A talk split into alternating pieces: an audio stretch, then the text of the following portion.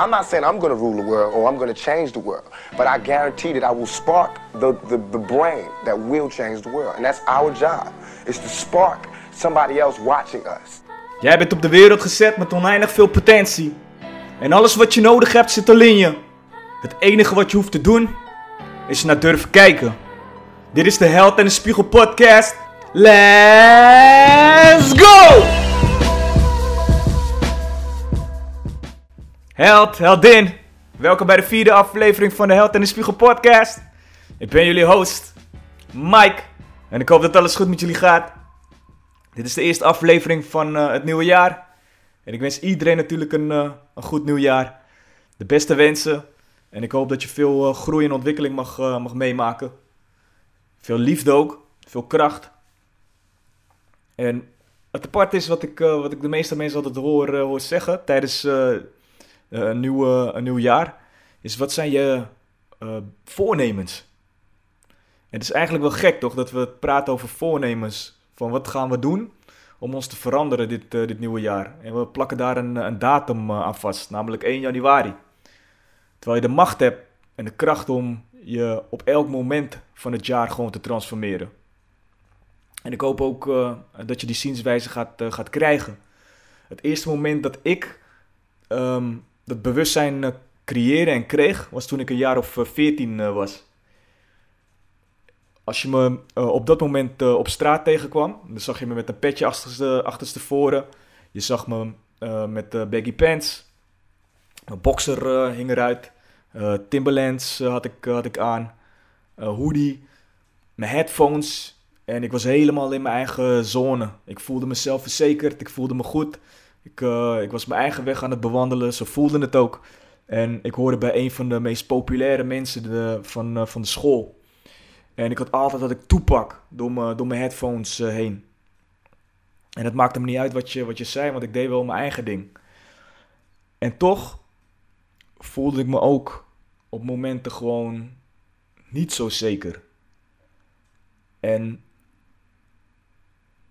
afvragend van, ja, hoor ik hier wel, uh, thuis? Zijn dit wel de mensen? En hoe, hoe vinden ze mij? Vinden ze me wel aardig? Ben ik wel goed genoeg?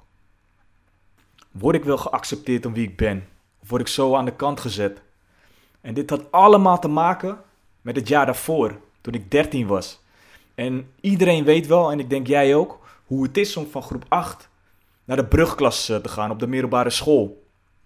Je laat het stuk kind van jezelf laat je achter om vervolgens volwassen te worden. Een hele nieuwe wereld. En dit, zal zoveel impact hebben op eigenlijk uh, je groei en op wie je gaat worden als, eh, als persoon.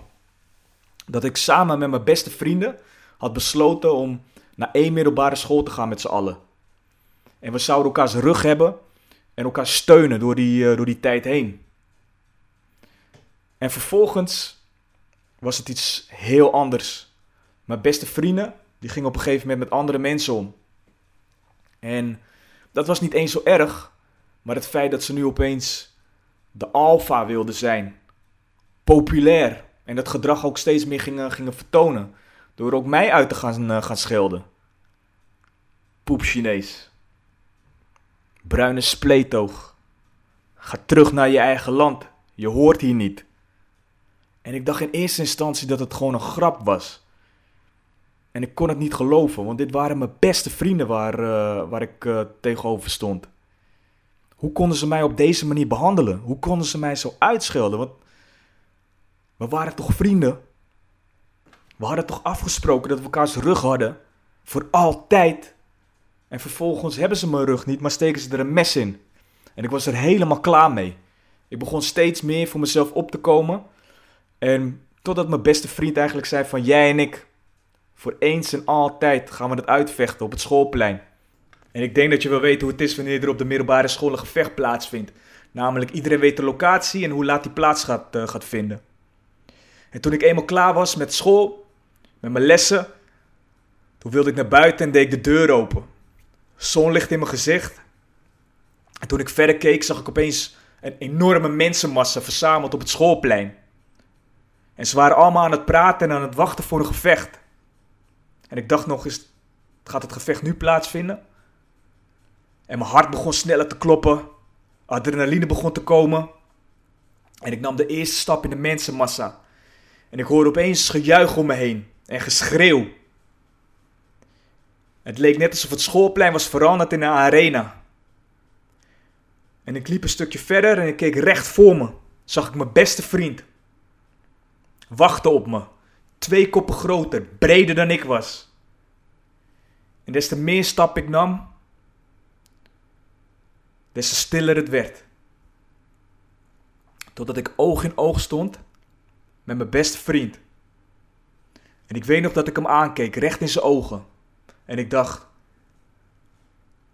ongeacht de uitkomst van dit gevecht, want je bent breder, je bent groter. En waarschijnlijk ga ik dit verliezen, maar dan verlies ik het met trots. Ik laat namelijk niet meer met me sollen. Dit is de laatste dag ooit. En voor ik het wist, kreeg ik een klap op mijn gezicht. Nog één, paar in mijn maag. En ging ik naar de grond. Met mijn gezicht op de straattegels. Ik zag niks meer. En toen ik vervolgens mijn ogen opende, zag ik iedereen om me heen. Leraren, mijn oude vriendengroep, allemaal verschillende meiden, andere klassen en mijn beste vriend. En op dat moment hoopte ik eigenlijk dat er een gat zou gemaakt worden op de plek waar ik lag, waar ik in kon zakken en nooit meer terug zou komen. Ik voelde pijn. Ik voelde verdriet. En de pijn was niet het fysieke van de klappen, maar de pijn was vanwege het verraad. Verraad van mijn beste vriend. Het vertrouwen wat ik had in vriendschap. Het waren de leraren aan de zijkant die het wel hebben gezien, maar niks deden. Het waren de meiden die aan het wijzen waren en aan het lachen waren, waardoor ik het gevoel had dat ik geen eens een man meer was. Niemand hielp me ook met opstaan. Dat moest ik allemaal zelf doen. En het was een hele lange weg, was het terug naar huis. En zelfs de dagen daarna werd ik nagewezen en uitgescholden. Ik werd buitengesloten. Ik hoorde nergens meer bij. En zelfs wanneer ik ergens ging zitten, liepen mensen gewoon weg. Wie was ik eigenlijk? Ik was helemaal niemand meer. Ik voelde me alleen. Ik voelde me eenzaam. En sterker, de mensen die gepest werden, die begonnen mij ook uit te schelden. Omdat ze dachten van oké, dan worden wij in ieder geval met rust gelaten. En ik ging me steeds meer ging me gedragen als een loser. Ik hield mezelf klein. Ik wilde nergens wilde ik over praten. Ik wilde niks zeggen. Ik wilde me verbergen. En ook mijn ouders zagen gewoon thuis dat ik niks meer zei. Dat ik een positieve jongen was en nu stil, niks zeggend. En ze vroegen me vaak nog van hoe was je dag en ik antwoordde gewoon niet. Als iemand me toen had gezegd dat mijn leven zou veranderen, door de afstandsbediening te pakken en naar MTV te zeppen, dan had ik ze uitgelachen. Alleen dat is wel wat er op een dag gebeurde. Toen ik op de bank zat, de MTV zepte met de afstandsbediening en ik het volgende hoorde.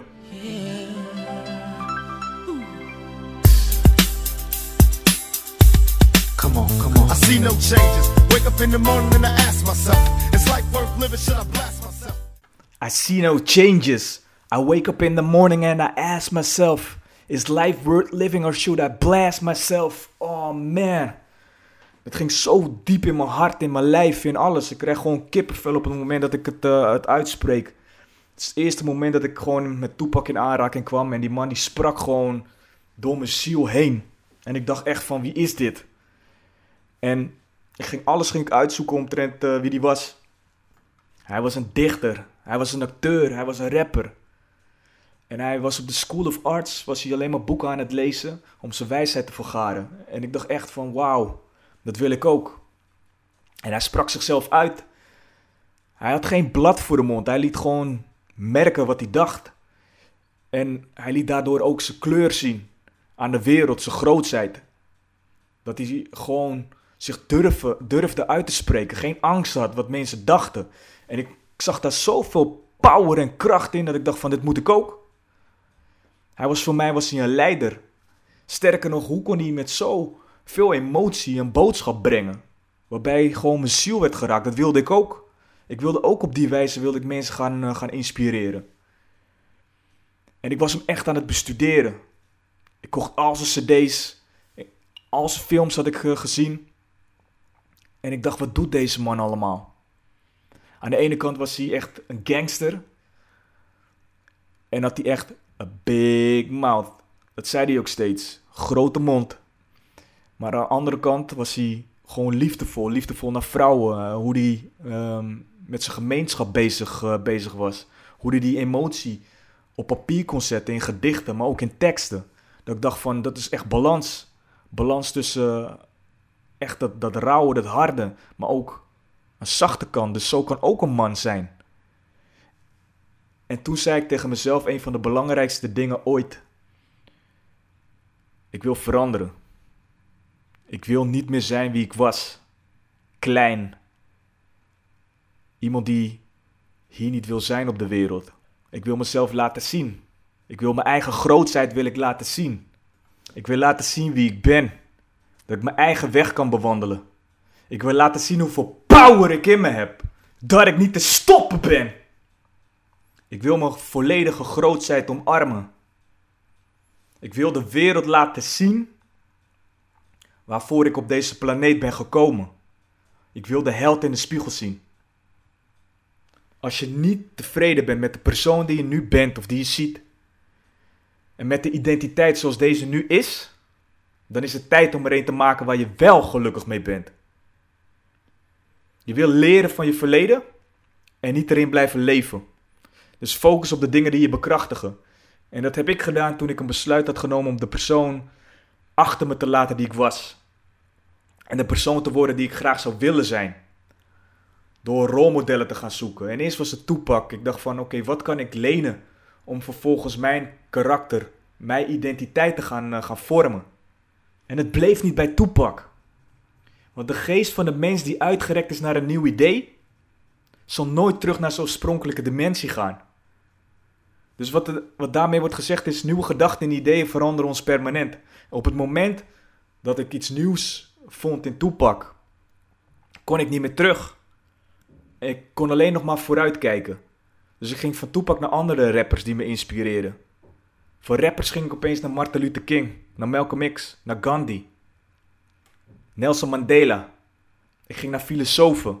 Ik ging naar andere figuren waarbij ik inspiratie haal en denk van oké, dat kan ik meenemen om mijn karakter te vormen. Ik ben nog steeds mijn eigen man, mijn eigen persoon. Maar waar kan ik bepaalde dingen in zien? In mensen die me inspireren. En wat kan ik, wat kan ik meenemen en mijn eigen maken? Het is hetzelfde wat Michelangelo deed bij het beeld van David. Dat hij zei van, ik zag het engel in het marmer. Ik hoefde het alleen nog maar te bevrijden. En hij ging bijtelen. Dingen weghakken die er niet nodig waren. En vervolgens was er een meesterwerk. En hetzelfde is wat jij kan doen. Je kan je leven kan je transformeren op elk moment. Dingen weghalen die je niet nodig hebt. En vervolgens in de spiegel kijken. En denken van wauw, ik ben een meesterwerk. En een identiteit wordt gevormd vaak door de, de, de labels die we ervaringen geven. Hoe we ze interpreteren. En het aparte is dat wanneer we uh, overtuigingen hebben, dat we geloven dat we uh, moedig zijn, of misschien zwak, dan zullen we ook allemaal middelen gaan, uh, gaan vinden die dat gedrag, gedrag gaat vormen. Je identiteit zal, zal matchen aan dat, aan dat gedrag. Iemand die zwak is, die zal alles zoeken om ook zwak over te komen. Waardoor zijn identiteit uh, wordt gevormd uh, als zijnde zwak. Iemand die daar tegenover moedig is, die zal alles zoeken in zijn omgeving om ook uh, te laten zien dat hij moedig is. Waardoor zijn identiteit zal gevormd worden in iemand die, die ook moedig zal, zal zijn. En wat we vaak, vaak doen, is we hebben vaste routines in ons, ons leven. We zien steeds dezelfde mensen. We doen steeds dezelfde dingen. En dat zorgt er eigenlijk voor dat je geest niet meer zo soepel is. Dat je niet meer creëert of niet meer uh, bezig bent met creativiteit, met vrijheid. Wat we eigenlijk van nature allemaal beschikken. En de oplossing daarvoor is eigenlijk om gewoon geforceerd dat patroon te doorbreken. Door willekeurig precies het tegenovergestelde te doen wat je eigenlijk normaliter wel aan het doen bent. op, dagbasis. Dus als het voor jou gebruikelijk is om te snoezen wanneer je uh, wakker wordt en je wekker gaat en je neemt nog een kwartier de tijd, doe het tegenovergestelde. Stap meteen uit bed. En alleen op die manier kan je routines verbreken. Kan je op een gegeven moment je, je geest weer, eh, weer soepel maken. Kan je een identiteit uh, gaan, gaan vormen. Want een nieuwe situatie dwingt ons, onze hersenen tot, tot activiteit. Ik ging bijvoorbeeld van een harde werker die alleen maar bezig was met werk, waardoor mijn geest gewoon echt ja, ook doodging. Naar iemand die het leven opnieuw wilde ontdekken. Door verschillende ervaringen mee te maken, waardoor ik weer een nieuwe identiteit zou, eh, zou krijgen. En zou, zou, zou gaan vormen. Ik ging sigaren roken, rum drinken, paard in het platteland rijden, salsa dansen in, eh, in Cuba. Ik ging walvis um, haai zwemmen, duiken naar Japanse schepen die waren vergaan, in een hutje slapen in de Filipijnen. Ik ging Mario karten in Tokio midden op straat, sushi eten, cherry blossom drinken in, eh, in Japan. En dat zijn allemaal dingen die net even uit mijn comfortzone gingen, waardoor ik weer opnieuw mezelf ging, eh, ging uitvinden. Een nieuwe identiteit. Dus kijk welke nieuwe mensen je kan eh, ontdekken. Welke nieuwe dingen je kan, kan doen. Wat allemaal net even uit je comfortzone zone gaat om je identiteit opnieuw uit te vinden. Dat kan op elk moment. Dus om het samen te vatten. 1. Je kan op elk moment van je leven kan je opnieuw transformeren. 2. Zoek rolmodellen en vorm je eigen identiteit. Met de kwaliteiten die je van anderen leent. Of die je jezelf uh, eigen maakt. 3. Experimenteer en dump alles wat, uh, wat niet werkt. Blijf kijken wat, wat is het wel voor jou, wat niet. Schaaf het bij. Haal er wat af. Doe er weer wat bij. 4. Doe het tegenovergestelde van wat je altijd al deed. Ga uit je comfortzone. Zoek nieuwe ervaringen op. Nieuwe mensen, nieuwe landen, nieuwe dingen. En om het in de praktijk eh, nog meer te gaan, gaan brengen.